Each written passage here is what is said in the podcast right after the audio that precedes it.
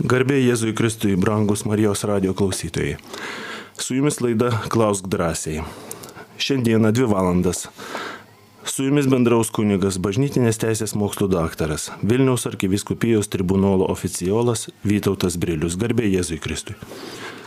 Garbė Jėzui Kristui. Garbė Jėzui Kristui, sveikinu visus klausytojus, Dievo palaimus visiems nežinau ne apie ką kalbėti. Jeigu jūs neklausite, kas jums įdomu, tai tada pasakosiu, kas man įdomu, o jums gali būti neįdomu. tai va, tiesiog gal kokią temą paduokit, gal vedėjas kokią temą turi, apie ką būtų įdomu paklausyti. Irgi nelabai. Vienas iš tokių populiariausių klausimų, kurie dažnai kartojami yra laidose Klausk drąsiai, tai matomai klausytojams yra labai aktualūs. Tai yra klausimas susijęs su atlaidais ir kaip tuos atlaidus galima pelnyti, kokios yra atlaidų pelnimo e, sąlygos ir formos. Atlaidai. Jeigu klausimas dažnai užduodamas populiarus, tai reiškia jį jau atsakė ne vienas e, kunigas, kuris čia atsakinėja. Ir reiškia, jau turite visą eilę variantų šito dalyko. Nu, mano variantas, kiek aš, kiek aš e, e, stengiuosi laikytis to, ką sako katekizmas, ką sako bažnyčia, atlaidai. Tai pažo, e, griežta prasme, supaprastinta galbūt tokia prasme, tai būtų e, laikinosios bausmės už nuodėmės atleidimas. Yra nuodėmė ir yra laikinoji bausmė, galbūt aplamai atsilyginimas už nuodėmę, kuris yra problematiškas, iš tikrųjų. Kaip galima atsilyginti už kažkokį padarytą blogį? Gerai, jeigu ten buvo pavokti pinigai kažkokie, ar kažkoks tai daiktas pavoktas, pasisavintas neteisėtai, atidavė ir viskas aišku. O jeigu kažkam buvo sugadinta sveikata, jeigu kažkam buvo sukelta baimė, kaip atstatyti tą nuostolį, kuris buvo padarytas, jeigu kažkam neteisėtai sukėlė baimę, kažkokį rūpesį, dar, dar kažkokį moralinę žalą padarė. Nu, iš tikrųjų nėra įmanoma. Ir tuos dalykus tada konvertuoja į kažkokius e, kitus dalykus. Ten už, e, už vieną kažkokį nusikaltimą gausi atlikti kažkokią bausmę. Senoviniais laikais ankstyvoje bažnyčioje e, buvo E, buvo uždedamos viešos atgailos už nuodėmės. Žmonės, kurie viešai kažkuo nusidėdavo, jie išpažindavo savo nuodėmės, ateidavo prašyti atleidimo, e, buvo ta, tas siejama tik su viešomis nuodėmėmis, viešai žinomomis ir būdavo uždedama vieša bausmė kažkokia, kuri, kiek labiausiai mums žinoma iš tų laikų, pasireikšdavo kažkokiu tai atribojimu nuo krikščionių bendruomenės. Pavyzdžiui, neįleidimu į pamaldas bažnyčioje. Pavyzdžiui, žmogus apsirengęs atgailos drabužiais, kaip ten sako, maišu, pasibarstęs galvą pelenais, turėdavo stovėti už bažnyčios durų ir į vidų nebūdavo e, įleidžiamas ten dieną, savaitę, mėnesį ir panašiai.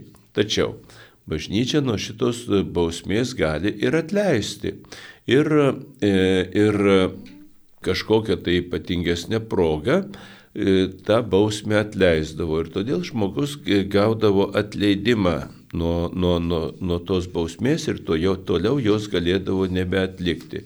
Arba atleidavo, atleisdavo nuo tam tikro kiekio tos bausmės. Taigi ir susiformavo, susiformavo toksai mintis apie nuodėmio atleidimą. Toliau teologiškai, teologiškai buvo aiškinamasi, e, kaip tai reiškia, buvo siejama su laikinaja bausme po mirtiniam gyvenime, kaip žinom, yra tikėjimas į dangų pragarą ir skaistyklą. Skaistykla yra laikinoji būsena, kur žmogus atsiteisia už savo, už savo e, padarytas nuodėmės. Kol pilnai neįsiteisė, negali džiaugtis pilną laimę danguje.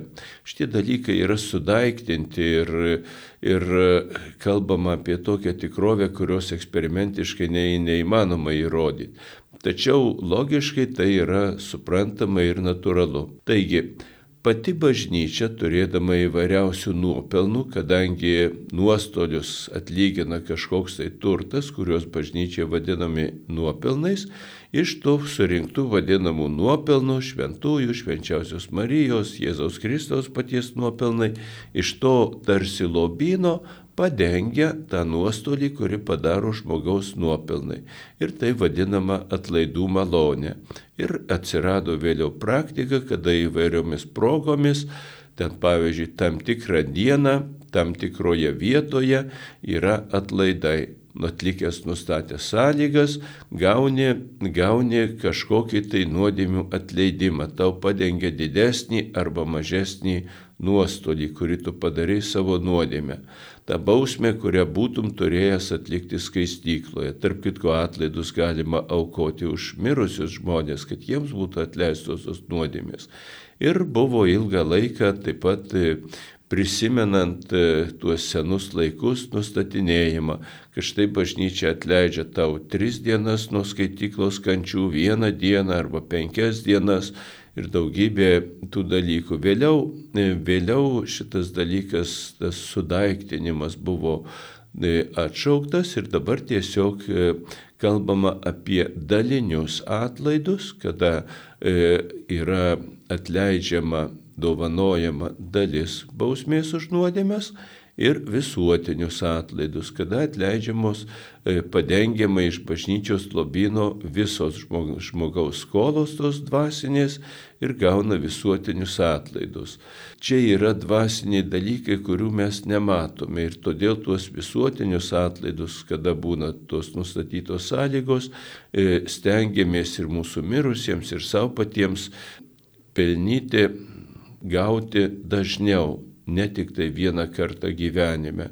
E, kadangi niekuomet nesame tikri, kiek ir ko gavome, netikri dėl mūsų pačių, kadangi visuotiniams atlaidams e, yra nustatytos tokios sąlygos būti tam tikroje vietoje, aplankyti, pavyzdžiui, bažnyčią, kur teikiami atlaidai, arba ten per vėlinės kapinės, kada užmirusius atlaidai, priimti tą dieną šventą komuniją paprastai būna, pasimelsti šventojo tėvo intenciją, šitie visi dalykai yra lengvai suskaičiuojami ir savo širdyje atsižadėti kiekvienos net menkiausios nuodėmės.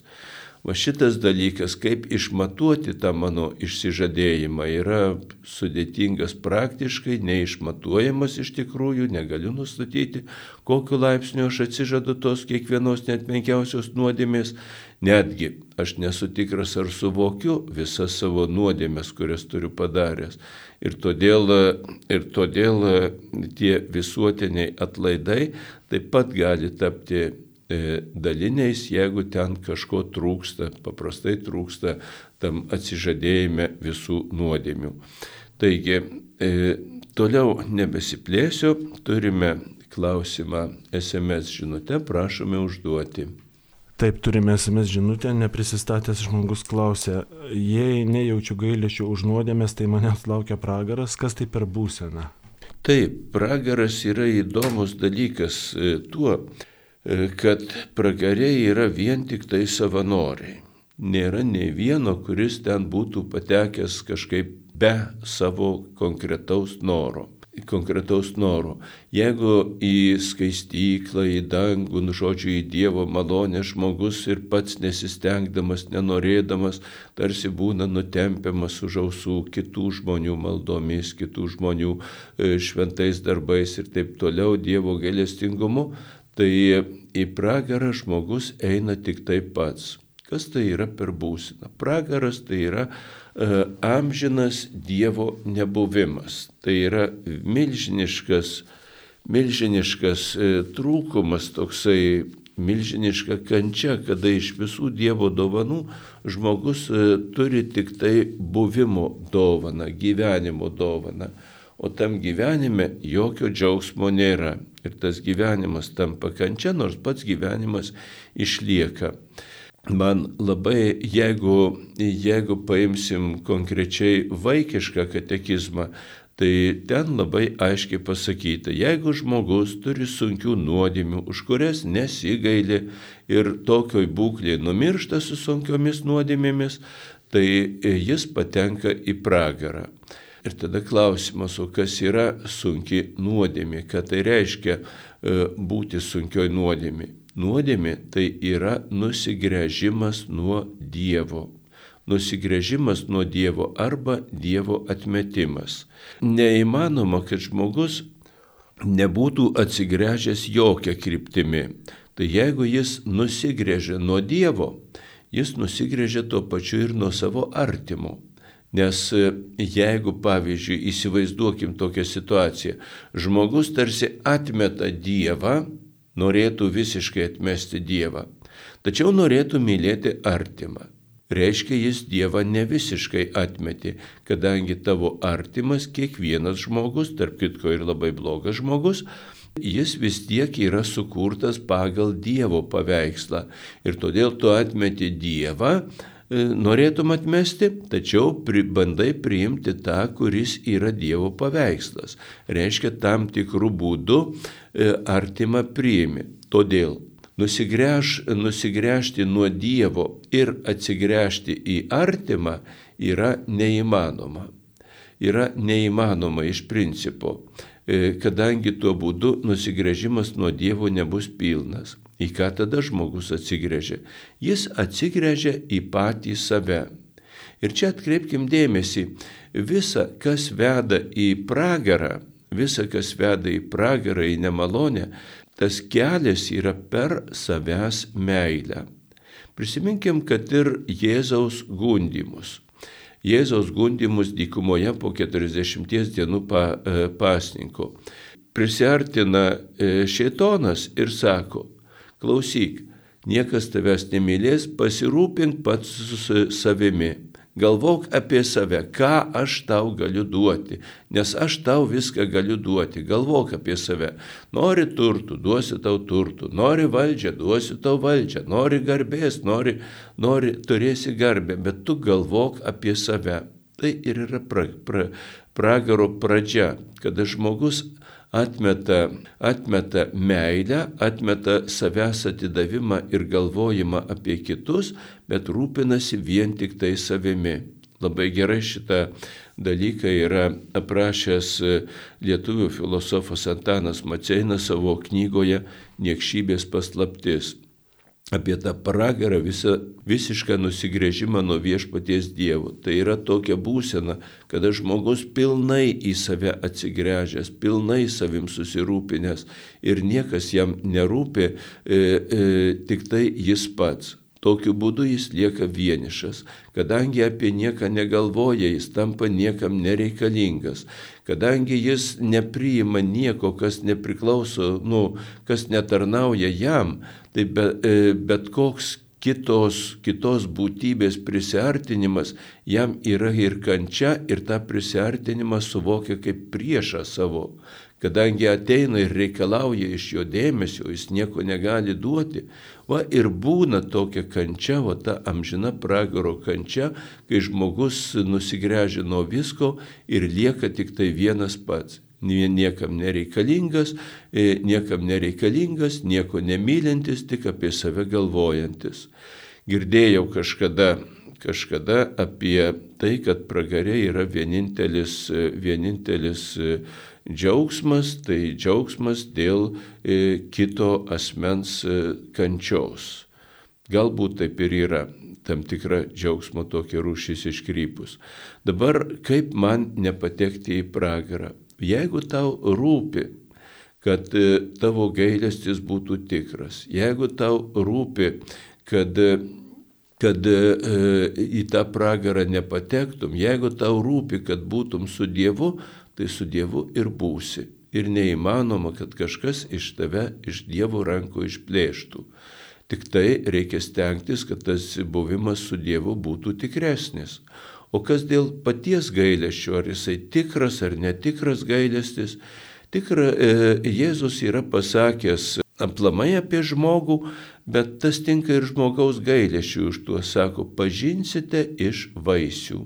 Jeigu tavo gailestis už nuodėmės atneša kažkokiu rezultatu, arba bent jau siekia konkrečiai atnešti kažkokiu rezultatu, jeigu tas tavo gailestis už nuodėmės numato kažkokias priemonės, kurių tu imsiesi, kad nuodėmės būtų mažiau, tai gailestis yra mažų mažiausiai pakankamas tikras.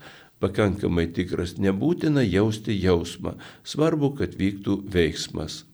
Tiek atsakymų į šitą klausimą. Toliau klausimų. SMS žinutė, jūsų laidoje girdėjau, kad mirusiųjų sielos pateks į dangų ar pragarą tik po antro Kristaus ateimo. Tai kur dabar tos mirusiųjų sielos, ar verta už jas melstis? Joana pasirašo. Siela nėra kūnas ir sielos nereikia kažkur padėti, nei, nei, nei kažkokio būsto, nei kažkokios lentynos, nereikalinga, kad būtų ten padėta siela. Ir e, tas e, įvaizdis dangaus arba, e, arba nedangaus, skaistyklos pavyzdžiui, tai yra mūsų tik tai toksai asocijuotas. Mes tuos dvasinius dalykus, kurių negalime patirti savo pojūčiais, kurių negalima įrodyti kažkokiais eksperimentais patirti, pamatyti, mes bandome juos sutapatinti su mūsų gyvenimo dalykais. Ir dėl to sakom, kad skaityklai, pavyzdžiui, e, žmogus būna ten kažkiek tai laiko, savaitę, mėnesį, metus, šimtą metų ar kažkiek tai laiko. Po mirtiniam gyvenime laikas neegzistuoja, o visas buvimas yra vienu metu. Dėl to laikas neturi prasmės, vieta neturi prasmės. Ir todėl e, ta dangų, dangų e, kaip būsena pomirtinę, kaip Dievo apdovanojimą, e, teisingiausia suvokti, tai e, pilnu žmogaus buvimu pas viešpatį. Dalyvavimą, dalyvavimą viešpaties Dievo gyvenime reiškia jo džiaugsme, jo meilėje, jo laimėje, kada žmogus pilnai pilnai gyvena viešpatyje, ko mes trūkstam. Kartais mes galime pajausti savo dvasinėse patirtyse tokio džiaugsmo iš artumo su viešpačiu Dievu, o ten yra pilnas ir visiškas džiaugsmas. Ir kadangi yra visas laikas kartu, ką mes vadiname laiku, visas buvimas yra kartu, nėra laiko, turi ir ateitį, ir praeitį vienu metu, ir tu matai, kad visa yra su viešpačiu Dievu, iš to kyla begalinis džiaugsmas. Ir todėl e, dangus yra tokia būsena ir todėl sielos nereikia niekur padėti, nereikia paruošti jai konkrečios vietos kažkokios. Žmogaus vieta yra Dievo širdyje. Tai viena. Antra, niekur nėra parašyta jokiam apreiškime, e, dieviškam apreiškime, kuris, kurį pripažįsta bažnyčia, ir niekur nėra bažnyčios mokama, kad žmogus į dangų arba į pragarą arba kažkur pateks tik po Kristaus ateimo kad tas gyvenimas po mirties būtų tarsi sustabdytas lygiai tam tikro momento mūsų žemėje. Niekur taip nėra parašyta. Viskas Dievo teismas iš tikrųjų asmeninis yra Asmeninis Dievo teismas yra žmogaus mirties momentu, kada žmogus išvysta, susitinka su viešpačiu Dievu ir jis pamato, ko vertas jo gyvenimas, kiek yra viešpaties jo gyvenime, pamato nepaprastą Dievo gailestingumą ir meilę ir gauna, ką jis yra pajėgus gauti iš viešpaties Dievo. Tai turbūt kaip ir atsakiau į šitą klausimą. Kitas klausimas. Turime žinutę nuo Jolitos iš Vokietijos. Garbė Jėzai Kristui, gerbiamas kunigė, kada gali būti anuliuota bažnytinė santoka? Kaip nagrinėjami tokie santokos anuliavimo pagrindai, kaip santokos sudarimas dėl neštumo ar sutoktinio pareigų nevykdymas? Labai ačiū už atsakymą. Bažnytinė santoka nėra anuliuojama ir jeigu jis sudaryta galiojančiai, ji pasilieka galiojanti iki vieno iš sutuoktinių mirties. Tačiau bažnytinis e, teismas gali nustatyti tokį faktą, kad santoka buvo sudaryta negaliojančiai, kad tai nebuvo galiojanti santoka. Pati santoka e, įvyksta vadinamu santuokiniu sutikimu. E, toks grinai techniškas teisinis terminas labiau e, būtų suprantamas e, per santokinį pažadą, per santokinę priesaiką. Žmogus santokai labai rimtai pasiruošia. Dabar nustatytas ir bažnytinis pasiruošimas, bet esmėj tai reikalinga pati žmogiška branda, kad žmogus būtų subrendęs padaryti apsisprendimą, pažadą visam gyvenimui, tą santokinį, santokinį sutikimą duoti ir pažada e, vienas kitam keturis dalykus. Nu, iš tikrųjų daugiau ten pažada, bet iš esmės tai yra gyvenimo subendrinimas, gyvenant šeimos gyvenimą ir priimant galimybę susilaukti vaikų ir juos auginti. Ir prisiekiama vienas kitą mylėti. Mylėti yra e, ne, ne įsimylėjimo jausmas, bet mylėti reiškia nusistatymu savo tokią nuostatą išlaikyti per gyvenimą, kad aš stengsiuosi, kad dėl manęs tau būtų geriau, kad su manimi tu būtum laimingesnis. Va šita nuostata ir yra meilė. Ta nuostata, tas mano noras, pasiryžimas, kad tau su manim būtų geriau. Va. Jau iš šito kyla, e, kyla e, reikalavimas toksai, kad tu būtum pakankamai subrendęs, kad galėtum pasiimti įsipareigojimą visam gyvenimui, įsipareigojimą, kad tam antrajam asmeniui su tavim būtų geriau, jisai su tavim būtų laimingesnis. Meilė. Toliau yra prisiekiama ištikimybė, Tai ta e, santokinė vadinama ištikimybė, turima minti lytinį gyvenimą, tačiau iš tikrųjų galima apibrėžti ir daug plačiau, daug plačiau e, ištikimybė aplamai gyvenime. Toliau e, prisiekia vienas kitą gerbti. Irgi turi būti ta, ta pagarba, priimti kaip asmenybę ir gerbti ir toliau vienas kito neapleisti, rūpinantis vienas kitu iki mirties. Taip pat prisiekima priimti gyvybės dovaną į, į savo šeimą. Jeigu žmogus yra įgalus, įgalus ir tikrai sąmoningai prisiekia vykdyti šitų dalykų, tada santuoka yra galiojanti ir jos niekas negali panaikinti. Tačiau būna taip, kad žmogus tą priesaiką duoda melagingai. Pavyzdžiui, jis e, savo širdį nepriima ir atmeta, pavyzdžiui, ištikimybę santokoje. Ir galvoja, kad aš e, susituoksiu, bet neturiu tokios nuostatos, kad būčiau ištikimas, darysiu, kaip man labiau patiks. Arba aš susituoksiu, bet aš nenoriu vaikų ir jų neturėsiu ir stengsiuosi neturėti visą gyvenimą arba dar kokį nors klaidingą prieš prieštaraujantį dalyką. Ir e, jeigu iš, paprastai tas nustatoma ištyrus e, to asmens, e, sakysim, elgsena prieš santoką, o taip pat ir susituokus iš karto per trumpą laiką, jeigu žmogus nesilaiko tų esminių dalykų ir rimtai nesilaiko, tai iš to gali teismas padaryti tokį sprendimą, kad jis susituokdamas jau atmetė šituos dalykus, jo priesaika buvo melaginga ir todėl santoka sudaryta negaliojančiai. Ir tas yra paskelbiama teismo sprendimu ir tada bažnyčia priima ir žmogus tada tampa laisvas nuo santuokinio ryšio. Toliau e, žmogus gali tiesiog neturėti įgalumo vykdyti santokos įpareigojimus. Pavyzdžiui, tai gali būti psichinis e, e, arba fizinis neįgalumas. E, fizinis neįgalumas tai visų pirma, ko gero, būtų neįgalumas atlikti santokinį aktą. lytinį aktą, gyventi intimų gyvenimą. Jeigu žmogus dar prieš santoką, reiškia, nebuvo įgalus ir, ir susituokus tas paaiškėjo, tai tada ir tas neįgalumas yra, e, kaip pasakyti, nu, kiek medicina leidžia suprasti visam gyvenimui, neišgydomas, tada santoka yra negaliojanti.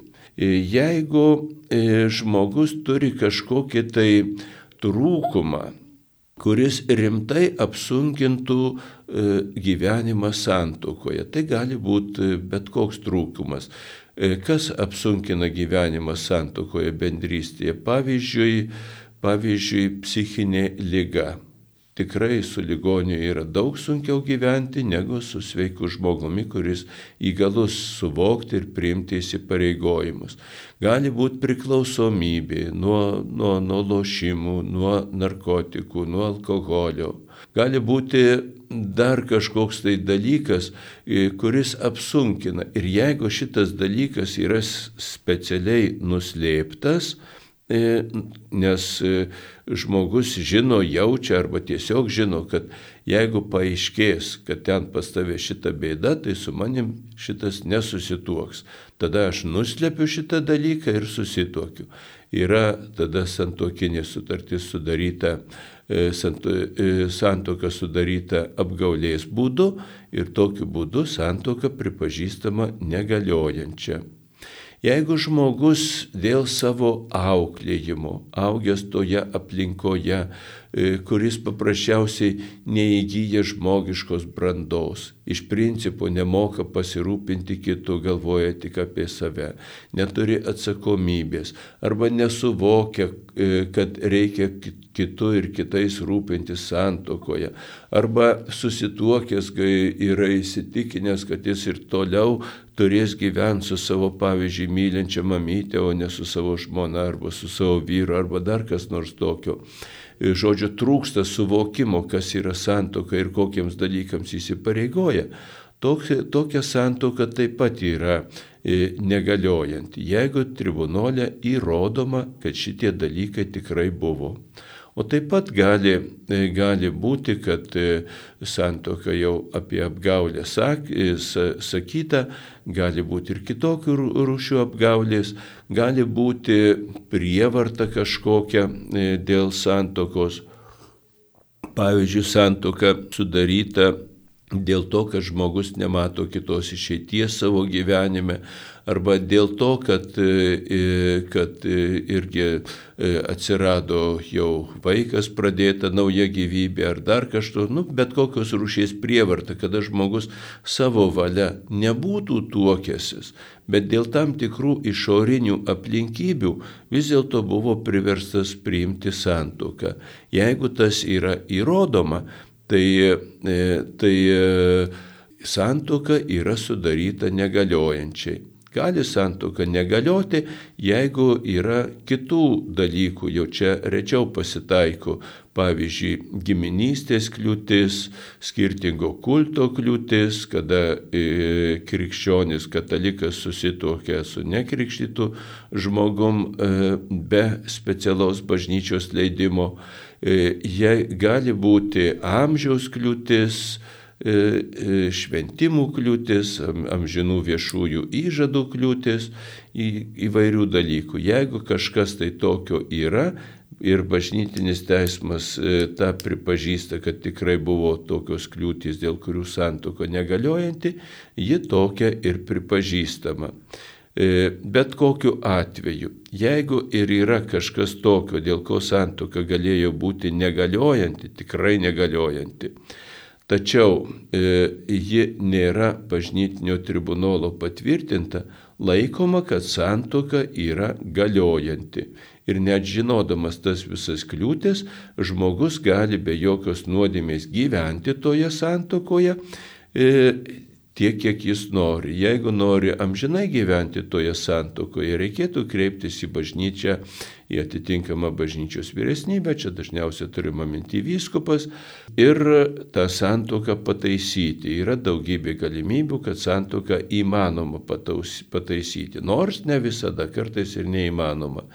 E, kad santoka būtų nega, pripažinta negaliojanti ir būtų galima sudaryti kitą santoką, tam yra būtinas tribunolo sprendimas. Į tribunolą reikia kreiptis arba pagal gyvenamą vietą, arba pagal antros šalies gyvenamą vietą, jeigu skirtingai gyvena, arba pagal santokos sudarimo vietą, arba dar ten kitokiais atvejais. Normaliai paėmus praktiškai grinai, tai kreiptis į savo viskupijos tribunolą, jeigu ten paaiškės, kad geriau būtų, arba, e, nu, jeigu paaiškės, pavyzdžiui, kad tas tribunolas neturi kompetencijos šitą bylą nagrinėti, tai nurodys į kokį tribunolą kreiptis. Tiek į šitą klausimą. SMS žinutė nepasirašiusio, kaip atleisti. Protu atleista, noras atleisti yra, bet jausmų dar nepavyksta. Jausmas nėra žmogiškasis veiksmas. Mes atsakingi už savo žmogiškuosius veiksmus. Ir tik tai žmogiškas veiksmas gali būti nuodėmė arba gali būti kažkokia dorybė arba nuopelnas. Kas yra žmogiškasis veiksmas? Tai yra toks žmogaus veiksmas, kuris yra suvokiamas protu ir priimtas žmogaus valia. Reiškia, žmogus tikrai žino, ką jis turėtų daryti Ar tai būtų dvasinis veiksmas, pavyzdžiui, malda, atleidimas, dar kažkas tokio, arba ten supykimas, prakeikimas, arba fizinis veiksmas. Žmogus suvokia, ką jis daro, žino, kodėl taip daro ir pats nori šitą dalyką daryti. Jeigu šitie dalykai abu du kartu vienu metu yra, tada e, tada veiksmas yra žmogiškas ir jis gali būti nuodėmė arba gali būti dorybė. Todėl Jeigu žmogus nori atleisti savo protu, e, savo protu ir savo valia priemi atleidimą, tai tada nesvarbu, ką jis jaučia. E, atleidimas iš tikrųjų yra ir jis yra duotas. Dėl to, e, jeigu tu ir jauti kažkokį nuoskaudą, skausmą ar dar ką nors, Nu, tenka tą dalyką iškentėti, bet jeigu dar papildomai savo širdį pasakysi, kad aš tam žmogui e, e, jokio blogio nelinkiu, tai viskas bus tvarko ir tas atleidimas pilnai šimtų procentų galioja. Kitas klausimas? Kita žinutė rytos iš kretingos. Garbė Jėzui Kristui. Per amžius. Kodėl šventam rašte niekur nėra paminėta skaistykla? Šventam rašte nebūtinai viskas turi paminėta. E, dievo, dievo žinia ir, ir, ir mokymas ateina mums per bažnyčią. Pats šventasis raštas pats šventasis raštas e, yra šventuoju raštu būtent todėl, kad bažnyčia pripažįsta, jog tai yra knygos įkvėptos šventosios dvasios, per jas kalba Dievas. Taigi Dievas žmogui kalba per šitas knygas, kurias pripažįsta bažnyčia, kalba per pačią bažnyčią. Jėzus yra pažadėjęs, kad bažnyčiai duos šventąją dvasę, kad išmokys tų dalykų, kurių dar jis neskelbė ir kurie nėra žinomi, ir tai yra dieviški dalykai. Todėl tie dalykai, kuriuos bažnyčia moko, kuriuos moko oficialiu savo mokymu, yra e, priimtini kaip dieviškosios tiesos. Tiek iš šitą klausimą. Kita žinutė. Kodėl neinformuojate ar rašyti lietuviškų šriftų žinutės, atsiprašau šitą praleisiu, papasakokite, kaip atlikti gerai išpažinti ir kokias nuodėmės neatleidžiamos. Taip, neatleidžiamos tos nuodėmės, e, e, kurių žmogus neišsižada. Jeigu žmogus nuodėmės neišsižada ir nori ją pasilaikyti, tai nuodėmė nėra atleidžiama. Ir čia būtų, būtų kaip pavyzdys, toksai, kaip pasakyti, praktiškai skaudus pavyzdys, kada žmonės gyvena, pavyzdžiui, e, šeimos gyvenimą, bet be bažnytinės santokos. Tai yra sunki nuodėmė.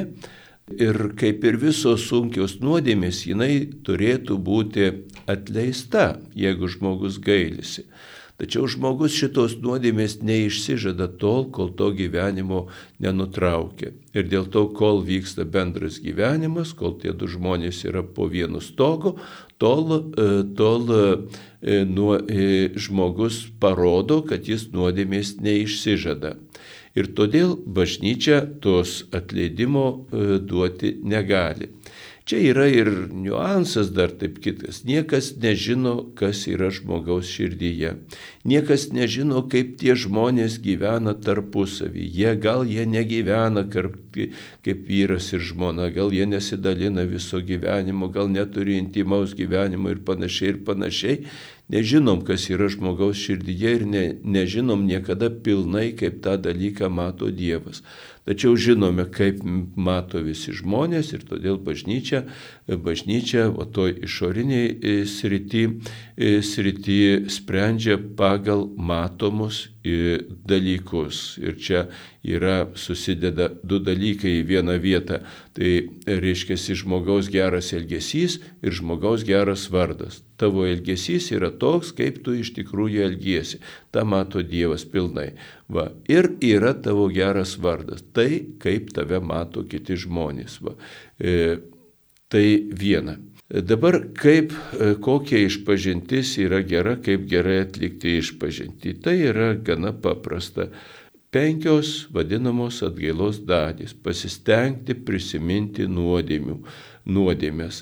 Nekartoti, ką išmokai per pirmąjį išpažinti, nes e, būna tokia pagunda, kad ką išmokai, tą visą gyvenimą ir norėtųsi kartoti, bet pasižiūrėti konkrečiai, kas dabar yra negero tavo gyvenime. Antra, už nuodėmės gailėti. Už nuodėmės gailėtis reiškia pripažinti, savo širdyje pripažinti, kad tu, tau tos nuodėmės yra svetimos, tu iš tikrųjų jų nenori. Trečia, nuodėmės e, išpa, e, E, e, pasiryšti pasitaisyti, trečias dalykas, pasiryšti pasitaisyti, reiškia numatyti kažkokias priemonės, kad nuodėmių būtų mažiau, ateityje vyktų kažkoks pasitaisimas. E, net jeigu žinai, kad tikriausiai šita nuodėmė kartosis ir kartosis, kartais žmogus kenčia dėl to, kad nuodėmės tos pačios ir tos pačios, supranti, gal net nėra prasmės eiti iš pažinties, nes ir vėl tą patį darysiu.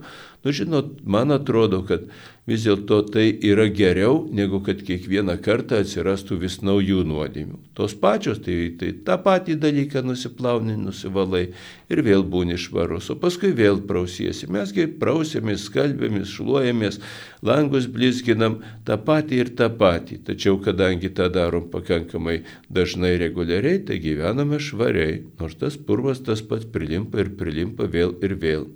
Taigi pasiryžimas, kad būtų geriau, kad būtų nuvalyta. Nu ir paskui atsilyginimas ir pasitaisimas. E, paskutinė dalis - stengtis, kad nuodėmės būtų atlygintos.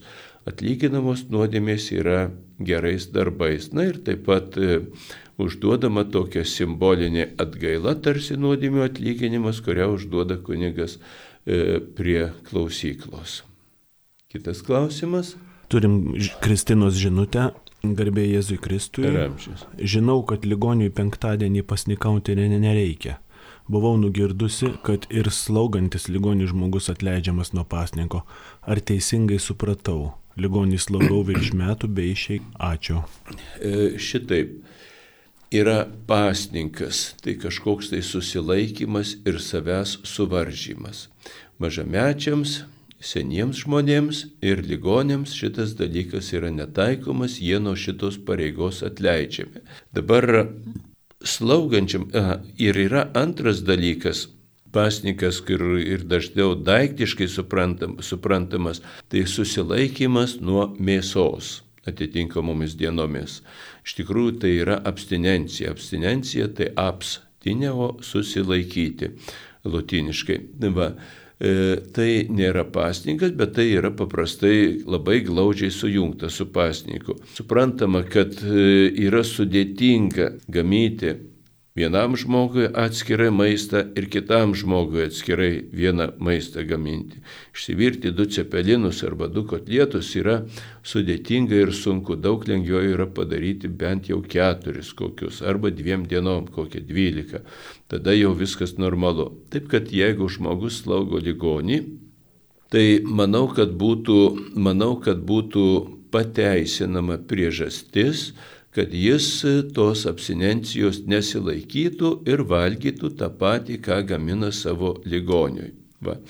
Tai, bet jeigu ligonis, pavyzdžiui, galima padaryti kažką be mėsos, nu tai galima, tai būtų geriau, bet, bet jeigu ne, tai jis gali valgyti tą patį. Tačiau, kad būtų įvykdytas pasninkas, e, kad būtų įvykdytas pasnikas, reikalinga e, kitą kokį nors susivaldymą, e, susi, susivaldymą prisimti tą dieną. Pavyzdžiui, pavalgyti mažiau arba ten kažkur susilaikyti nuo kažkokio kito dalyko.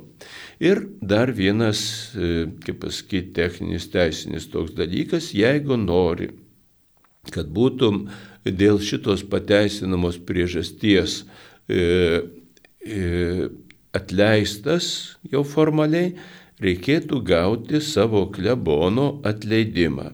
Vikaro atleidimas arba kito kunigo turbūt negalioja, e, nu, negalioja, tą gali padaryti klebonas. Va.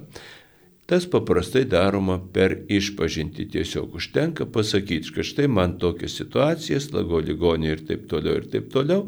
Ir prašau atleidimo, kad galėčiau e, vartoti mėsiškus patiekalus pasninkom dienomis.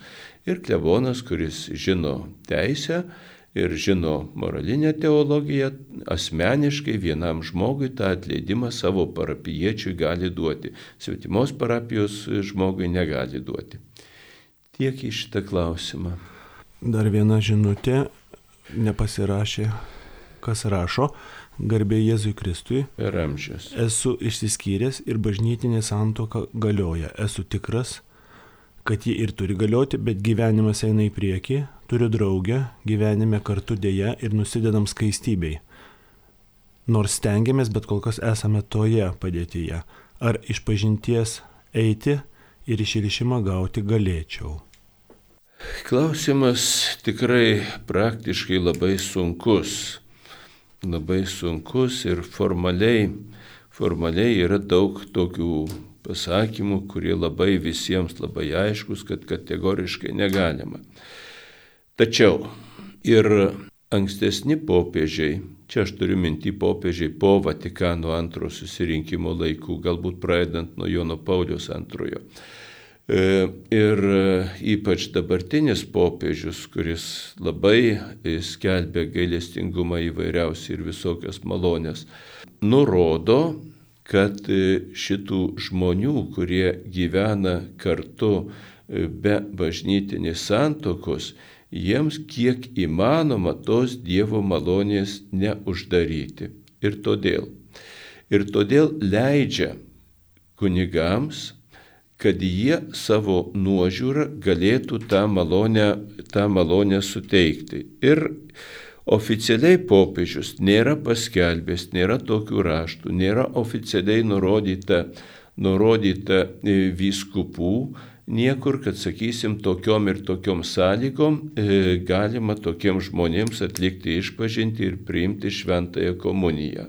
Tačiau popiežius yra e, pasakęs, kad ypatingo, ypatingais tais atvejais, vengiant žmonių papiktinimo, galima e, kartais tą komuniją priimti. Ir todėl gyvenant šitokių situacijų, jeigu tikrai yra tikėjimas, jeigu tikrai yra Dievo meilė, esant ypatingam atvejui, pavyzdžiui, artimo žmogaus mirtis, galima ten, kur nėra papiktinimo, nes tas papiktinimo vengimas yra labai pabrėžtas, ten, kur nėra papiktinimo, reiškia ten, kur žmonės tavęs nepažįsta. Atsilikti išpažinti ir, e, ir priimti šventą komuniją. Aišku, ne per laidotuvės, bet prieš, nu, prieš irgi ten galimybę, aišku, tu nežinai, kada mirs, bet po laidotuvų savaitę ar kažkur kitur ir taip toliau. Ne visi kunigai šitą priima vienodai, taisyklių nėra jokių nustatyta, dėl to kunigas kiekvienas savo atsakomybę ir savo supratimu, kaip jis supranta šitą popiežiaus paraginimą, tuos dalykus taiko. Todėl ne kiekvienas kunigas gali šitą leidimą duoti. Tačiau e, labai norint įmanoma. Tai viena. Antra. Žmogaus gyvenimas nesusideda iš sakramentų. Sakramentai tai yra priemonė išganimui pasiekti. Va. Tačiau ne pats išganimas ir neatlyginimas už kažką, tai yra priemonė. O priemonės e, galima jų turėti daugiau, galima turėti, turėti mažiau, bet vis tiek tikslą pasiekti. Išganimas tai yra ateimas prie viešpaties Dievo, savo sielą, savo dvasę. Ir neturint galimybės naudotis sutaikinimo ir e, Eucharistijos sakramentais, ir lieka galimybė dalyvauti šventose mišiose, klausytis Dievo žodžio, lieka galimybė melstis, lieka galimybė mylėti artimą, lieka galimybė būti sąžiningu, doru žmogu, žmogumi daugybėje, daugybėje gyvenimo sričių, sričių ir situacijų. Ir šitas E, intimus gyvenimas, vyro ir moters gyvenimas, neapima viso žmogaus gyvenimo. Yra daugybė e, galimybių eiti pas viešpati Dievą. Taip, kad nusiminti nereikia, nu kiek yra įmanoma, kiek yra įmanoma tą, e, reiškia, stengtis, kad nebūtų tokio gyvenimo vis dėlto. Tačiau jeigu žmogus yra per silpnas, jeigu nesiseka, dar yra daugybė kitų priemonių būti kartu su Dievu. Kitas klausimas. Rasos žinutė, garbė Jėzui Kristui. Per amžius. Per kiek laiko reikia atlikti po išpažinties gautą atgailą? Ačiū. Iki kitos išpažinties jeigu e, kunigas nenurodo kitaip. Jeigu kunigas nurodo konkretų laiką, tai tada reikia to laikytis, o normaliai iki kitos išpažinties. Komuniją galima priimti atgailos dar neatlikus. Toliau. Garbė Jėzui Kristui. Ir amžius. Kas tas Armagedonas ir trečias žydų šventyklos atstatymas? Gintautas klausė. Esu girdėjęs, bet konkrečiai nežinau, todėl nefantazuosiu. Kitas klausimas. Taip, prašom skaityti kitą klausimą. Garbė Jėzui Kristui. Per amžius. Neseniai kunigas nepritarė kariniam paradui, kuris vyko Vilniuje. Ar tai visos bažnyčios nuomonė? Ir Ukrainoje naikinama viskas, tame tarp ir šventyklos. Kas turėtų jas ginti? Ačiū. Nu, reiškia šitaip. Yra taip pas senovinis, senovinis pasakymas, netgi iš tų laikų, kada kunigai lotyniškai kalbėjo stultus parukus plus kvampapą. Tai kvailas klebonas yra didesnis už popiežių, už tai, kad popiežius kažką pasakė, vyskupas kažką pasakė, bet jie nežino, nenusimano, tai aš padarysiu, kaip iš tikrųjų turi būti gerai. Čia yra toks pajuokavimas, aš nesakau, kad tas kunigas kvailas kažkoks, e, aš nežinau, kokiu jis turi argumentų ar dar ką nors tokio, tačiau kažkokio kunigo kažkoks pasakymas arba padarimas, tai tikrai nereiškia, kad tai yra bažnyčios mokymas. Bažnyčios mokymas yra, yra kada bažnyčia oficialiai moko kažko tikėjimo ir doros dalykuose. Tikėjimo ir doros dalykuose. O kunigas gali turėti savo ten nuomonę, nu ir iš tikrųjų paėmus bet kokį veiksmą, pavyzdžiui, kad ir paradą kažkokį, tam tikrų požiūrių jis gali būti labai sveikintinas ir geras dalykas. O kažkoks gali būti kitoks požiūris, kur jis gali turėti neigiamą kažkokį tai dalyką. Kiekvienas dalykas turi gerų ir blogų e, pusių. Galbūt tas kunigas susikoncentravo į kažką, bet tai nėra bažnyčios mokymas. O šiaip apie šventyklų griovimą, bažnyčių griovimą, žmonių žudimą, e, viso ūkio griovimą, kančių sukėlimą. Dievas yra teisingas ir Dievas yra prieš neteisybę. Ir mes turime būti prieš neteisybę ir už teisybės atstatymą. Teisybės atstatymas ir, ir teisingumas reikalauja pirmiausia, kad blogis nebūtų daromas. Antra, kad blogis būtų atitaisomas. Trečia, kad kaltininkas būtų uh, nubaustas ir, ir atsilygintų už savo padarytą blogį. Praktiškai tai atsiranda daugybė, daugybė sunkumų popiežius Jonas Paulius, lankydamasis, aš dabar neatsimenu, kažkur tai Balkanų, kažkokioj šaly, ten, kur žmonės tikrai patyrė ir to genocido apraiškų, ir žudinių baisių, ir visa kita. Ir jis kalbėjo apie taiką ir, ir pasakė tokius žodžius, aš juos labai gerai atsiminiau. Sako, jūs taikos neatkursite per teisingumą, tik tai per atleidimą ir meilę galima atkurti taiką. Tiek į šitą klausimą. Toliau. Zita mums parašė, garbė Jėzui Kristui. Per amžius. Ar kunigai atsižvelgia, kad vyro ir moters dvasingumas, tikėjimo išraiškas suvokimas priklauso nuo prigimtinių psichologinių ypatumų? Kunigas kartais pasišaipo iš moterų emocingumo ir jautrumo. Kiek jautrumo ne per daug?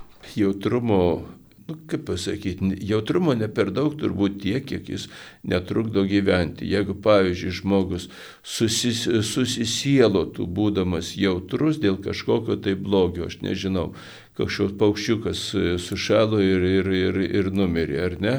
Ir žmogus tiek susisielotų, kad jis negalėtų nei dirbti, nei valgyti, nei kažką tai kito, matyti kitus dalykus. Tokio jautrumo būtų per daug.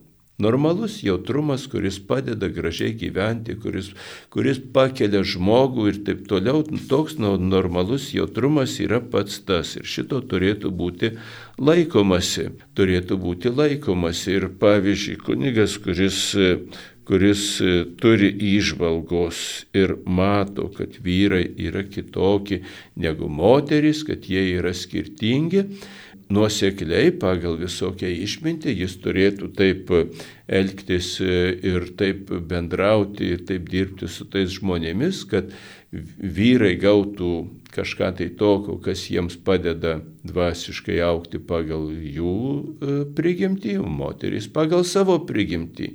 Ir jeigu, sakysim, moteris yra jautresnė arba emocionalesnė, e, dažnai taip ir iš tikrųjų atrodo, nu tai šituos dalykus taip pat galima panaudoti, panaudoti žmogaus dvasiniam augimui. O šiaip tai moteriška širdis, kuri paskui, e, kaip pasakyti, valdo moteriškas rankas, tikrai sukuria ir to jaukumo, ir grožio nepaprastai daug ir šilumos žmonių gyvenime. Šitą turėtų įvertinti visi, taip pat ir kunigai. Kitas klausimas. Kviečiame į pertraukėlę, po pertraukėlės grįšime į laidą.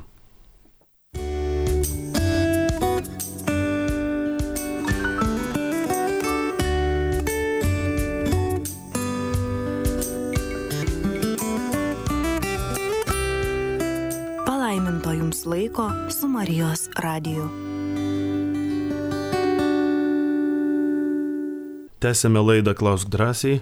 Prie mikrofono kunigas bažnytinės teisės mokslo daktaras Vilniaus arkiviskupijos tribunolo oficiolas Vytautas Brilius.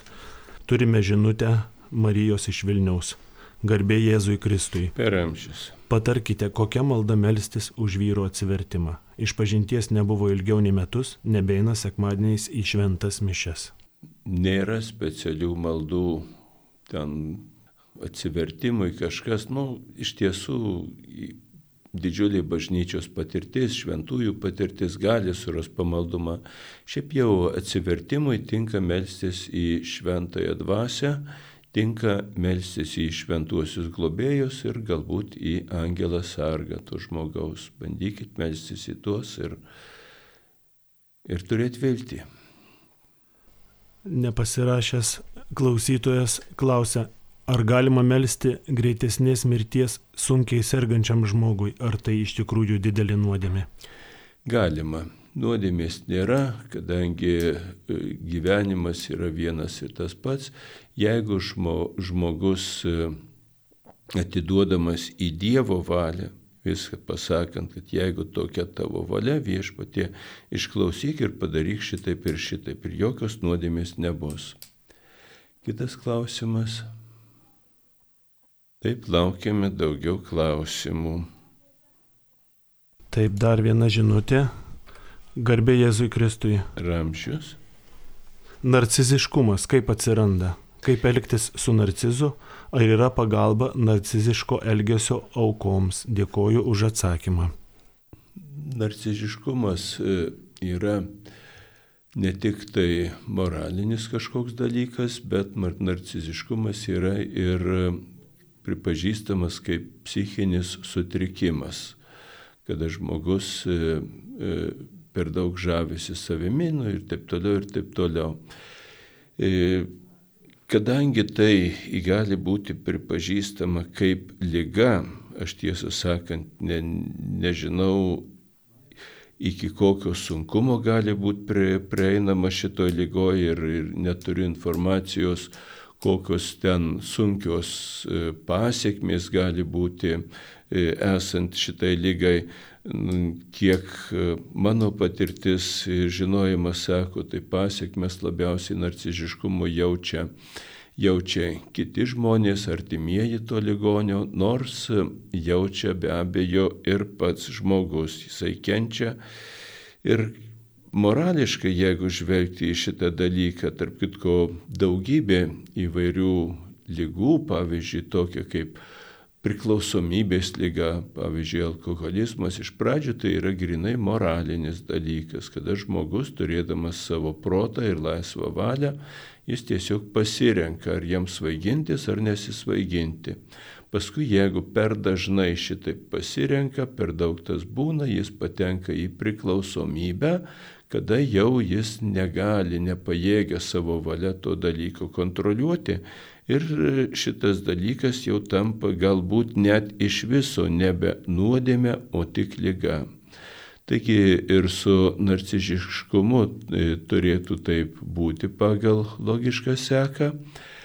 O šiaip nu ką, e, žmogus, kuris per daug žavisi savimi, tai yra nurodymas, kad jam trūksta artimo meilės, tai nurodymas, kad jam trūksta empatijos, tai nurodymas e, į, į tai, kad jis nemato savo artimo.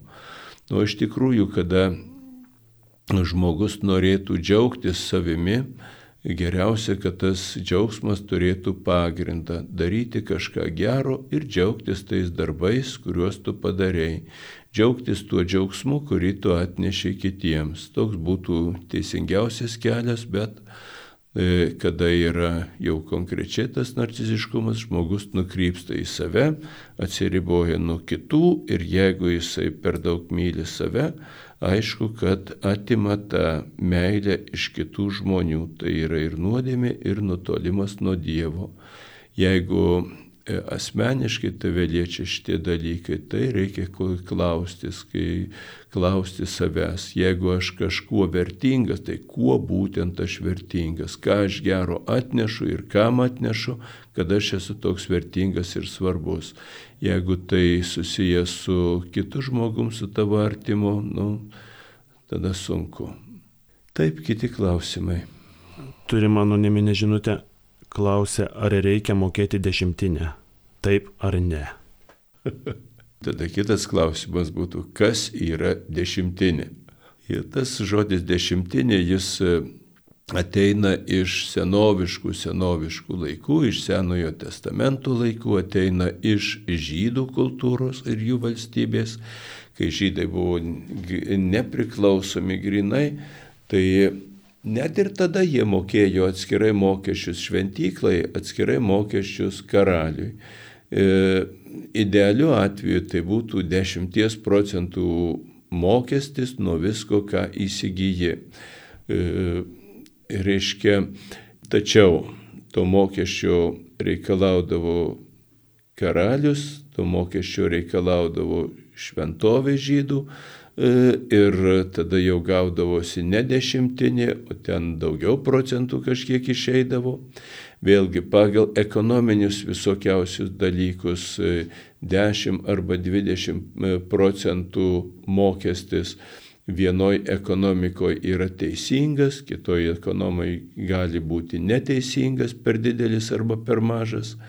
Jeigu dešimtinė kalbama apie dabartinės mūsų šio laikinės praktikas, būna, kad tam tikros bendruomenės krikščionių e, reikalauja tos dešimtinės. Nu, Čia tos bendruomenės tada galėtų būti labai turtingiams žmonėms kažkokiam arba labai sunkiai gyvendinamas dalykas. Reikia pasižiūrėti ir turėti proto, kad žmogus, kuris ateina į tą kažkokią pamaldumo bendruomenę, jis jau susimokėjęs ir pajamų mokesčius ir jau PVMus visokius susimokesčius ir kitokius mokesčius, akcizus visokius, kelių mokesčius, apie kuriuos net ir pats nežino, kad jis moka mokesčius ir jau po viso to susimokėjusių visų mokesčių jis jo dar prašo dešimtinę. Tai dar daug dievė, kad iš tų grinų pajamų, kurias gauni, kur ta po mokesčių likęs, o ne iš tų pajamų, kurias prieš mokesčius ten turi. Taip kad e, dešimtinė ji gali būti nustatyta kažkokio bendryjo kažkur, bet tai yra labai didelis mokestis šiais laikais, kiek aš žinau, e, tai e, kai kuriuose dvasinėse bendrijose ta dešimtinė būna nustatyta, tačiau netaikoma visiems be išimties. Taip kad čia yra toksai praktinis dalykas ir vėlgi į mūsų dabartį jis yra faktiškai pritrauktas iš kažkokiu tai senovinių pasiskaitimų ir, ir pasvajojimų. Kitas klausimas. Nepasirašęs klausytojas klausia, kodėl bažnyčiai skirtuose paveiksluose leidžiama dailininkams vaizduoti savo individualias bažnytinių mokymų interpretacijas. Pavyzdžiui, Marijos ir Jėzaus portretuose išreikšta jausmingumą, nudailinta būsena, supratimas toks žmonių. Toks žmonių supratimas, e, jeigu paėmus dailę tą visą paveikslą, dar reikėtų turėti istoriją tokią, kad e, žmonės visai neseniai, tik tai koks geras šimtmetis, bent jau mūsų kraštus krašte, išmoko skaityti ir rašyti. Jeigu žmogus išmoko skaityti, tai dar nebūtinai, nebūtinai reiškia, kad jis gauna tinkamą jam literatūrą. Ir dėl to bažnyčia savo doktriną dėstė įvairiausiais būdais, įvairiausiais būdais tame tarpe ir per dailę, kuri bažnyčioje mokė ir rodė. Na ir ką ta dailė, ta dailė gali parodyti, kad tai, kas yra šventa, yra nepaprastai gražu. Ir todėl ar kažkokį šventąjį, ar švenčiausią Mariją ypatingai jau stengiasi nupaišyti kuo gražesnį. Va. Ir kuo, o vienas truputį vienaip supranta, kitas truputį kitaip ir pagal e, vietos kultūrą, ir pagal, e, ir pagal laiką tas grožio sampratos skiriasi. Vieną kartą būna labai gražu, jeigu, jeigu didžiulės akys padarytos, kitą kartą, kad ilgos blakstienos, nu ir stengiasi, kad būtų žmogu gražu, kad žmonės matytų, kokia graži yra Marija, kaip jie atrodė fiziškai, iš tikrųjų niekas mes nežinome ir, ir, ir nežinosime, bet stengiasi tą parodyti. Va, ir, ir kitus dalykus. O kaip parodysi, kad Marija yra gera, mylinti ir gailestinga, jeigu ne per emociją. Ir dėl to stengiasi ir tokius emocingus gestus ir tokius emocingus veidus pavaizduoti, situacijas kažkokias. Tiesiog stengiasi, kad būtų perduota žinia, kurią mums atneša bažnyčia apie švenčiausią mergelę ir apie bendrai tikėjimą, šventųjų bendravimą ir taip toliau. Lina iš Kauno klausia, kuris šventasis yra žmogaus globėjas, jei tuo pačiu vardu yra keli šventieji. Ačiū.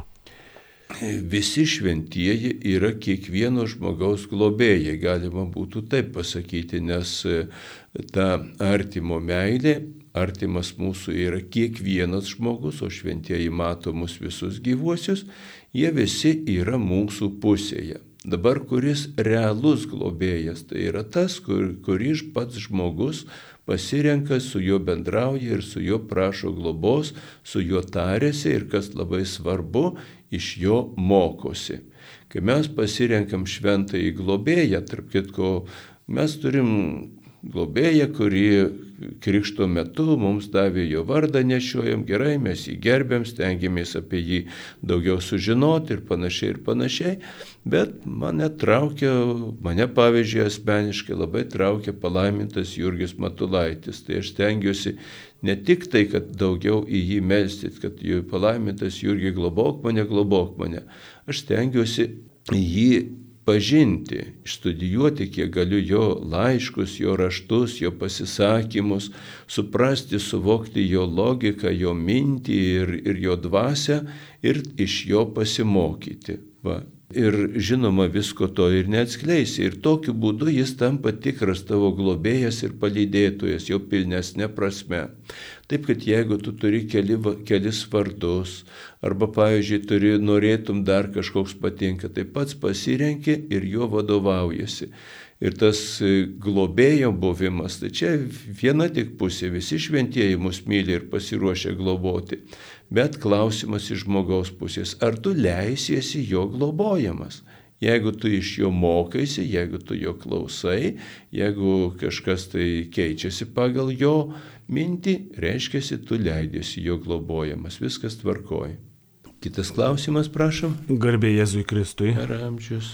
Kiek yra laisvės kunigui ar klebonui šventose mišiuose liturgijoje? Klausimas kyla iš to, kad vis paprastėja apėgos. Pavyzdžiui, beveik nelieka šlakstimo, neatsiranda švesto vandens ir taip toliau. Aš dar nuo savęs pridėčiau ir apie smilkimą, kada, kada tai daroma ir ar tai tiesiog pasirinkimas. Ačiū. Taip, pirmiausia pradėsiu nuo to, kad e, šlakstymas švestų vandeniu tai nėra mišių e, dalis. Tai yra priedas prie šventų mišių, papildomas pa, e, pamaldumas, kuris turi savo prasme, savo simbolišką, savo dvasinę reikšmę.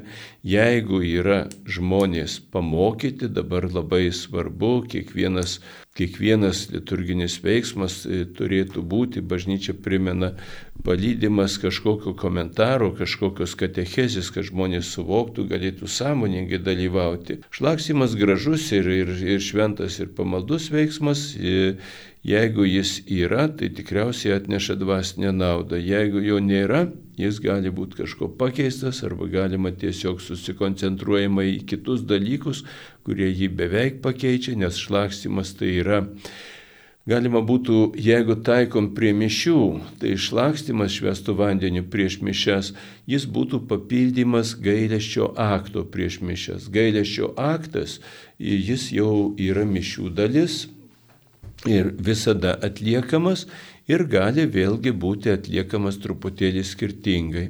Šiaip jau pasmilkimai, jie yra taikomi iškilmingose mišiuose, skaitosi iškilminga liturgija. Ir vieni e, kunigai, kaip pasakyti, daugiau smilko, kiti mažiau, turbūt pagal tai, kiek gali duoti iškilmingumo mišioms. Iškilmingumas vadinamas, tai yra papildomi dalykai, kurie duoda tam tikrą grožį, turi ir prasme, aišku, liturginė, bet e, duoda tam tikrą grožį, reikalauja tam tikrų galimybių. Pavyzdžiui, jeigu nori, kad vyktų procesija, kad vyktų pasmilkimai, kad vyktų pagėdojimai, tau reikia žmonių, kurie galėtų smilkyti, kurie, kurie dalyvautų procesijoje, kurie mokėtų gėdoti. Jeigu kur nors tos sąlygos yra kažkokios apsunkytos, tai tada šitų dalykų nėra. Dažnai parapijose pasitaiko ir tokie grinai logistiniai dalykai, kad kunigas turi daugiau negu vieną parapiją. Arba kad kunigui, arba toj parapijoje, nesvarbu, kiek ten yra kunigai, gali būti ten, sakysim, keturi kunigai, o tau sekmadienį šešios mišios. Va ir reikia į visas suspėti, reikia prieš kiekvienas mišes išklausyti išpažintis ir dar kažką ir taip toliau. E, gali būti, kad ir dėl šitų priežasčių kai kurios neprivalomos mišių, da, nu, ne mišių dalys, bet apieigų dalys, jos gali būti praleidžiamos. Ir vėl mes turėkime minti, galbūt geriau praleisti kažkokią tai dalį, liturgijos, negu ją atlikti paskubomis. Dar kitas dalykas. Pagal dabartinę mintį, mintį kuri buvo mokoma po Vatikano antro susirinkimo, nereikia visų pamaldumų sukrauti vienų ant kitų. Pavyzdžiui, tą pačią dieną gali būti keli liturginiai minėjimai. Gali būti, pavyzdžiui, grabnyčios ir kažkokio šventojo dienos, nu, per grabnyčias gal ne, bet per Kristaus krikštą, pavyzdžiui, gali būti kažkokio šventojo vardinės, gali būti dar kažkas tai tokio. Ir nekrauna vieną ant kitų, bet pasirenka svarbiausią vieną mintį ir jos laikosi. Kas yra būtina mišiuose, tai yra atlikti visas mišių dalis. Tai yra e, įžangos liturgija, tai e, pasireiškia atgailos aktu e, ir pradžios malda, toliau yra žodžio liturgija, toliau yra aukos liturgija, toliau yra perkeitimų ta liturgija Eucharistinė malda vadinama su, su prefacija, toliau yra E, Eucharistijos prieimimo liturgija, e, šventoji komunija ir pabaigos malda su palaiminimu. Šitie dalykai būna kiekvienose mišiuose. Vėlgi kunigas gali pasirinkti ilgesnį arba trumpesnį variantą, nes mišiolė yra skirtingų variantų. Tiek apie šitą. Garbė Jėzui Kristui rašo nepasirašė. Ai, birutė. E, vakar Kaune Liuteronų bažnyčioje vyko ekumeninės pamaldos. Dalyvavo katalikai, protestantai, abiejų patriarchų stačiatikiai. Gal pasidalintumėt savo požiūriu apie ekumenizmą? Mano požiūris į ekumenizmą, kadangi ekumeni, ekumeninė mintis yra katalikų bažnyčios mintis, priimta pačios bažnyčios, palaikyta visų popiežių ir, ir, ir visų viskupų, be abejo, aš pritariu šitai minčiai ir jos laikausi. Ekumenizmas, e, ekumenizmas yra tam tikras požiūris, ekumeninis požiūris, kada žiūrima, taip graži tokia, e, gražus toks pasakymas buvo, nežiūrima horizontaliai, kaip kas vyksta, Pavyzdžiui, vieni krikščionys ten turi, pripažįsta daugiau sakramentų, kiti pripažįsta mažiau sakramentų, vieni apėgas atlieka vienaip, kiti atlieka kitaip, pas vienus ten tokie įstatymai, pas kitus kitokie, ten yra celibatas, ten nėra celibato, ten dar kažkas. Va, mes randam daugybę, daugybę skirtumų. Ir tada e, kyla pagunda, e, e kyla pagunda, o kaip yra geriau žegnotis taip, kaip žegnojasi, pavyzdžiui, rytų bažnyčių e, tikintieji, ar taip, kaip vakarų bažnyčių tikintieji. Ar krikštas turi būti panardinant žmogų į vandenį, ar užtenka užpilti truputį vandenį. Va. Ir šitie dalykai, jie praktiškai neturi kažkokio konkretaus sprendimo ir tuos dalykus spręsdami žmonės nesuartėja. Va. O Kristus meldėsi, kad visi būtų viena. Toj paskutinės vakarienės nepaprastai gražioj maldoj, visi te būna viena. Kaip tu tėve esi manyje ir aš tavyje, taip ir jie te būna viena. O vienyje mus visus vienyje, nepaisant jūsų skirtumų, vienyje Jėzus Kristus. Ir todėl ekumeniniai dalykai ir tos ekumeninės, pavyzdžiui, pamaldos, jos yra kaip ženklas toksai, kad mes visi esame vieno mokytojo mokiniai, Jėzaus Kristaus. Todėl tuose pamaldose yra e, praleidžiami ir, ir, ir nepraktikuojami tokie dalykai, kurie būtų nepriimtini kažkuriai iš kitų bažnyčių. Visiems mums yra priimtinas tas pats šventas raštas ir to švento rašto aiškinimas iš pradžių, iš, iš principo labai artinamas. Dėl to ten yra skaitinių liturgija, žodžio liturgija, giesmės ir panašus dalykai. Visi mes kartu susirinkę su jais garbinam tą patį Dievą. E, tik tai Vieni daugiau tiesų išpažįsta, kiti mažiau tiesų išpažįsta, skiriasi liturgija, atėję iš skirtingų kultūrų ir taip toliau, bet visi išpažįstam tą vieną patį Jėzų Kristų ir, ir, ir, pareiškiam, kad mes Kristuje esame vieni, viena, nors esam labai skirtingi visi. Kaip ir mes viduj savo bažnyčios, kiekvienas žmogus skirtingas, nors visi išpažįstame Kristus, tengiamės gyventi dvasinį gyvenimą. Kitas. Vėl nepasirašęs klausytojas rašo, ar homoseksualiu žmogumi gimstama ar tampama, medicina sako, kad tai chromosomos klaida. Kodėl viešpats taip numesga mane savo iššiose? Toks žmogus vis tiek yra Dievo vaikas ir kaip gyventi tokiam Dievo vaikui? Taip, dabar visų pirma, kas yra homoseksualumas?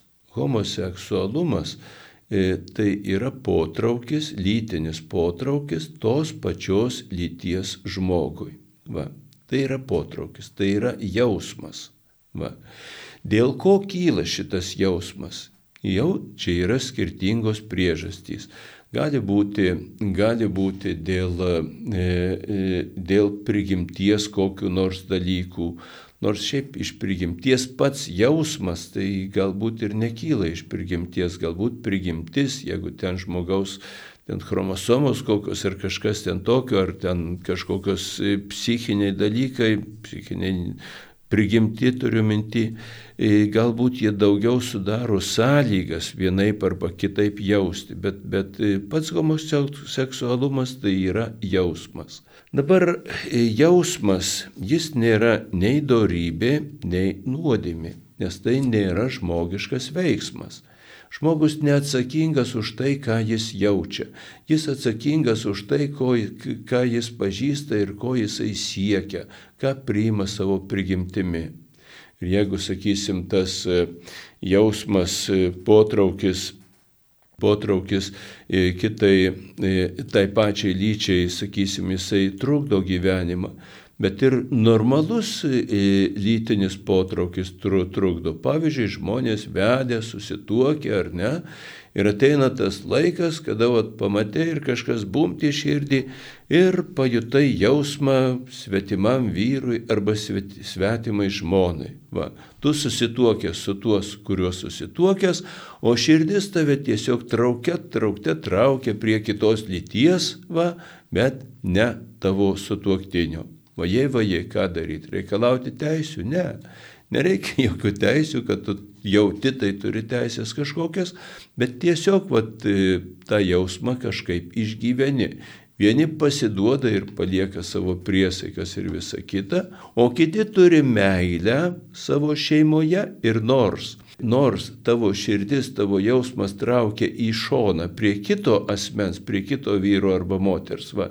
tačiau tavo meilė, kad aš prisiekiau ir turiu nuostatą, kad visą laiką gyvensiu taip, kad šitam žmogui būtų geriau mano sutuoktiniui, ji tave išlaiko. Tada tas jausmas, kurį tu jauti kitam žmogui, tampa tau gyvenime kažkokiu apsunkinimu, bet tu tą sunkumą perneši. Realiai paėmus, paėmus kiekvieną normalią šeimą, normalią, turiu minti statistinę prasme normalią, kaip daugeliu atsitinka, tai per savo gyvenimą jie daugybę sunkumų patiria būtent vienas dėl kito ir vienas nuo kito ir panašiai ir panašiai, tačiau tuos visus sunkumus, kurie yra, aišku, jaučiami, reiškia, turi blogą jausmą, jie viską perneša dėl to, kad būtų bendras gyvenimas, kitaip kalbant, kad su manim būtų laimingas tas mano sutuoktinis arba sutuoktinė. Va.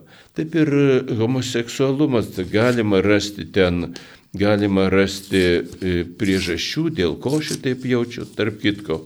Tas jausmas, potraukis kitai lyčiai, dažniausiai jis būna neįgimtas, įgimtas kažkoks dalykas gali būti retas, bet įgytas. Va ir įgyjamas jis dažniausiai yra e, vaikystėje arba paauglystėje, kada dar e, seksualinės praktikos nėra jokios susiformavę arba įsitvirtinę nėra. Ir žmogus turi patirtį, sakysim, to homoseksualaus gyvenimo, tai šita patirtis e, labiau linkus įsitvirtinti ir tada atsiranda ir tie jausmai. Jeigu žmogus, žmogus savo aplinkoje mato, mato tą heteroseksualų bendravimą ir potraukį, jeigu jis neturi to homoseksualaus kažkokios patirties, jame neįsitvirtina šita praktika ir neįsitvirtina tas jausmas arba potraukis arba homoseksualumas. Dėl to, dėl to kaip ir daugybė klausimų, tėvai turėtų vesti ir auklėti savo vaikus, taip pat ir šitoje srityje tėvai tiek, kiek jie, kiek jie yra, kiek jie gali, tiek jie yra atsakingi už savo vaikų ugdymą ir šitoje srityje. Kitas klausimas. Mums paskambinusi moteris nenorėjo išeiti į eterį ir paprašė paklausti, ar šventos mišios yra tikros, jeigu kuningas pradžioje nepabučioja altoriaus ir paskui neplauna rankų? Tikros. Yra dalykų, kurie e, sudaro mišių esmę ir, ir kurie padaro mišes tikras arba netikras. Pavyzdžiui, jeigu, jeigu būtų esminiai pažeidžiamos svarbiausių tekstų vietos, tada mišios gali būti negaliojančios. Jeigu būtų praleista kažkokia tai mišių dalis, tada mišios gali būti negaliojančios.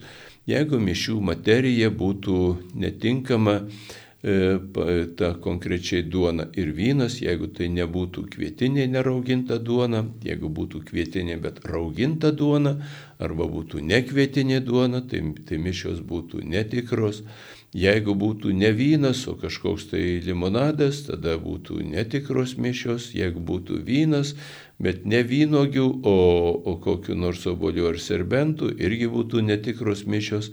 Bet jeigu praleido neesminę kažkokią mišių dalį, ten pavyzdžiui nenusiplovė rankų po aukojimo arba pamiršau, kad ten kažką praleido neesminio tokio, nepabučiavo altoriaus, tai, e, tai e, mišių tikrumo dar nepažeidžia. Nors, aišku, liturgijos reikia laikytis. Tiek, žin, tiek klausimai šitam, kitas Dar vienas klausimas, garbė Jėzui Kristui. Per amžius. Ar privaloma mišių dalis visuotinė malda? Privaloma, e, tačiau e, privaloma mišiuose su žmonėmis šitą maldą. Nors jeigu ją praleidžia, tai nėra, e, kaip pasakyti, esminis prasižengimas, nors ji privaloma. Ona rašo, ar skaistyklos sielos gali melstis už mus, ar tik mes galim už jas melstis? Skaistyklos sielos gali melstis už gyvuosius ir jos šitą tikrai daro ir yra tas šventųjų bendravimas ir yra tokia pagirtina praktika, kada žmonės ne tik tai meldžiasi už savo artimuosius, bet ir prašo jų užtarimo. Ir ne vien tik tai savo artimųjų, bet aplamai skaistyklos sielos. Bet Skaistyklos sielos gali būti labai geri mūsų dvasiniai draugai. Kitas klausimas. Nežinau, ar ta pati Ona mums paskambino, bet nenorėjau irgi kalbėti eterėje, paklausė, ką daryti, jeigu tiesiog negali atleisti. Klausimas toks, ar nori atleisti. Jeigu nori atleisti, tai tada iš tikrųjų ir atleidžia o tas vadinamas negalėjimas tai yra e, to e, neatleidimo jausmo buvimas. Ir jeigu, sakysim, prisimeni kažkokią skriaudą, prisimeni kažkokį žmogų, kuriam, kuriam nesinori atleisti, bet savo širdyje sakai, aš jam nelinkiu nieko blogo, aš noriu jam atleisti. Jeigu savo širdyje šitaip pasakai, tai tada jokios nuodėmės nėra ir, yra tik tai jausmas tam tikras. Kitas klausimas. Klausimas toks. Kodėl bažnyčia nešventina Jėzaus vardo? Ką reiškia nešventina vardo? Galbūt nekrikština Jėzaus vardu. E, krikštyje. Jeigu žmonės pateikia tokį vardą, tai krikštė tokio vardu ir, Ir e, turime pas mus Lietuvoje tokios tradicijos ir nėra, bet e, e, iš kitų tradicijų mes turime krikščionių žmonių, kurie pakrikštyti tik tai kitomis kalbomis. Ir Jošua, ir Jėšua, ir taip toliau. Tai yra tas pats Jėzus, tik tai kitomis kalbomis. Nėra kliūčių, kad būtų žmogui duodamas šitas vardas. Ir, ir, ir jeigu žmonės duos tokį vardą, tai, tai turėtų būti krikštyjama. Nebent aš ne, nežinau, nebent iš kažkokios baimės kažkas nepatartų ar panašiai. Čia kažkokių teologinių kliūčių nėra šitam dalykui tikrai. Dar viena žinutė nepasirašysio klausytojo. Kodėl pirmą laidotuvių šventose mišiose nenešamas karstas į bažnyčią, antra nestatomos žvakės vidury, bei trečia neskambina varpais išlydant vėlionį. Dėkoju. Čia yra e, tos tradicijos, kurių, e, kurių dabar pamažu atsisakoma. Dėl nešimo, kūno nešimo į, į bažnyčią, tai atsisakoma pagrindę dėl praktiškų tokių dalykų. Kuo toliau, tuo žma, mažiau žmonės turi laiko laidotumės, tuo labiau viskas paprastėja. Ir todėl ir, ir darosi nepatogu. Dar kitas dalykas vieno tos laidotuvės, e, vienos apėgos užduoda tam tikrą, tam tikrą toną ir kitoms. Ir jeigu, ir jeigu e, vieni laidoja su atnešimu į bažnyčią, su žvakių visokių pastatymų ir taip toliau, tai kiti žmonės vėl jaučiasi įpareigoti irgi panašiai daryti. Paimkim labai paprastą praktišką dalyką. Tas papildomas vežimas iš šarvojimo namų į bažnyčią kainuoja papildomas išlaidas. Karstą turi kažkas išimti, iškrauti iš mašinos, nunešti į bažnyčią. Tam reikia vėl žmonių.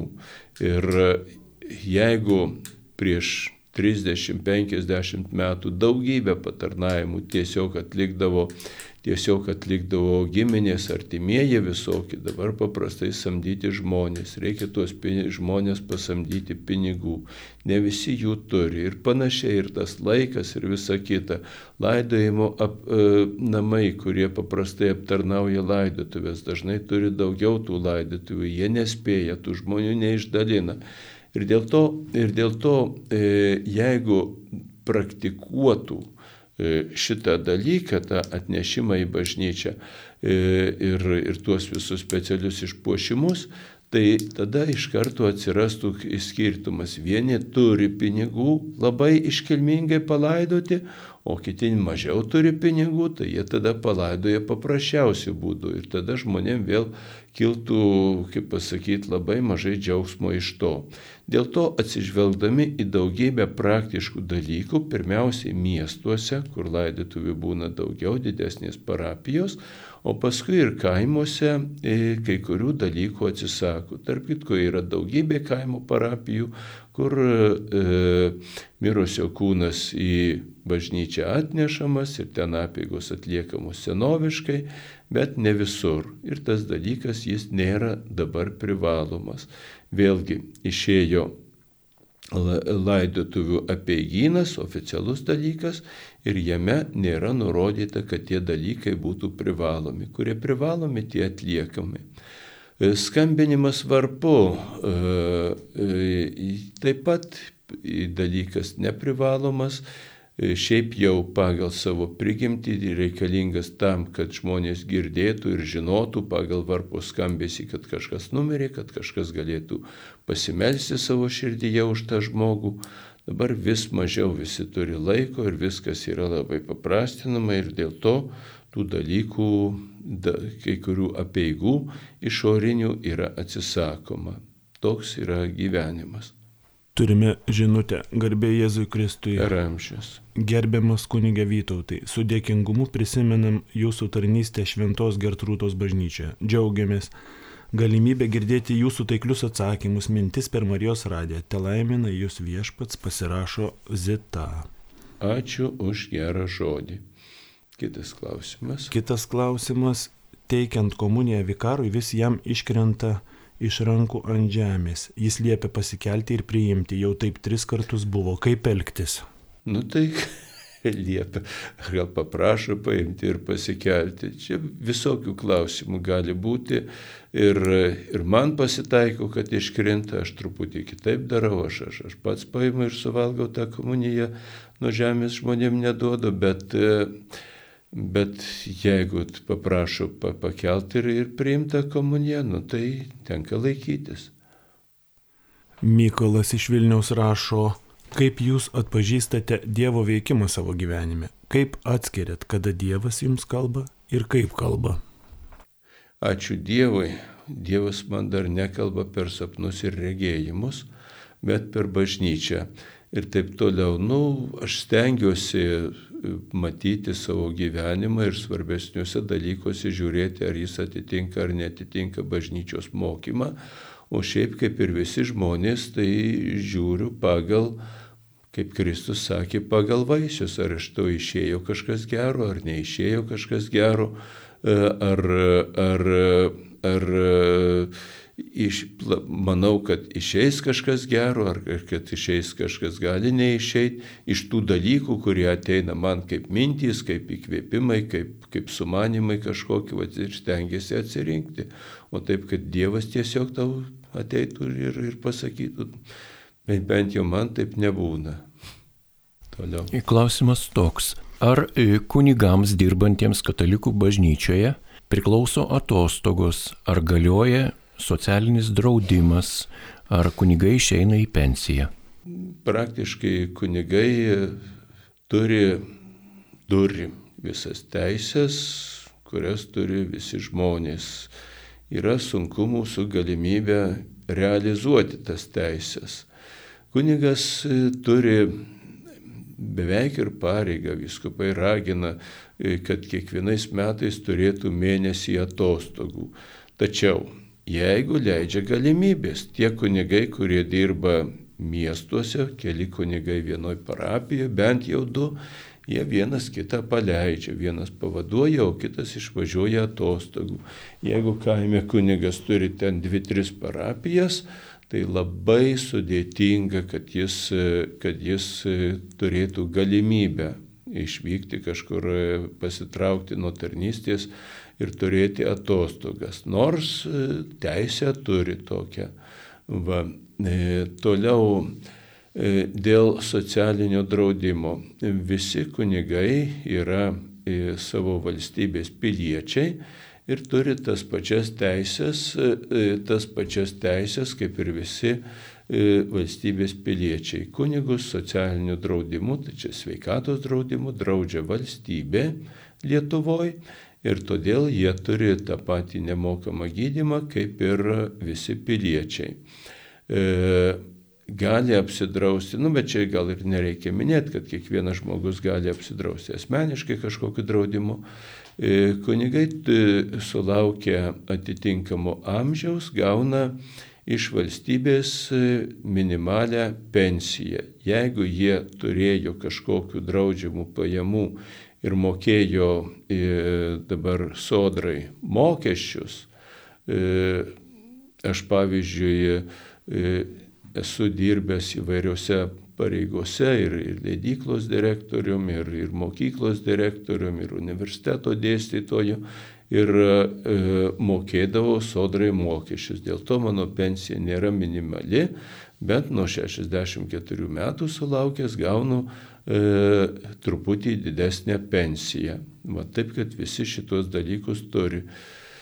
E, turi ir draudimus, ir pensijas, pagal galimybės. Tiesa, dar nepaminėjau, visi kunigai, kiekvienoje viskupijoje vėl ten gali būti skirtingai, yra nustatytas vadinamas e, savitarpio pagalbos toksai fondas, pas mus bent taip vadinasi, į kurį kunigai moka nustatytą sumą kiekvieną mėnesį ir sulaukia atitinkamo amžiaus, gauna taip pat kažkokią pensiją.